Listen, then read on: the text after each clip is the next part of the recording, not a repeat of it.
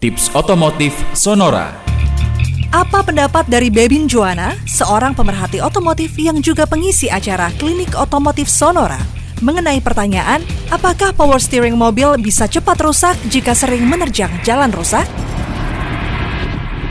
Jalan rusak, power steering pada umumnya sih suspensi, nggak nggak spesifik power steering.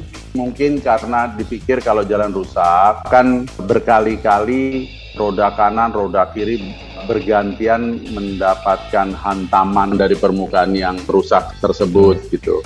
Mungkin tidak serta-merta menjadi rusak tetapi menurunkan lifetime mungkin lebih tepatnya. Tips ini dipersembahkan oleh Sonora FM 92 Jakarta.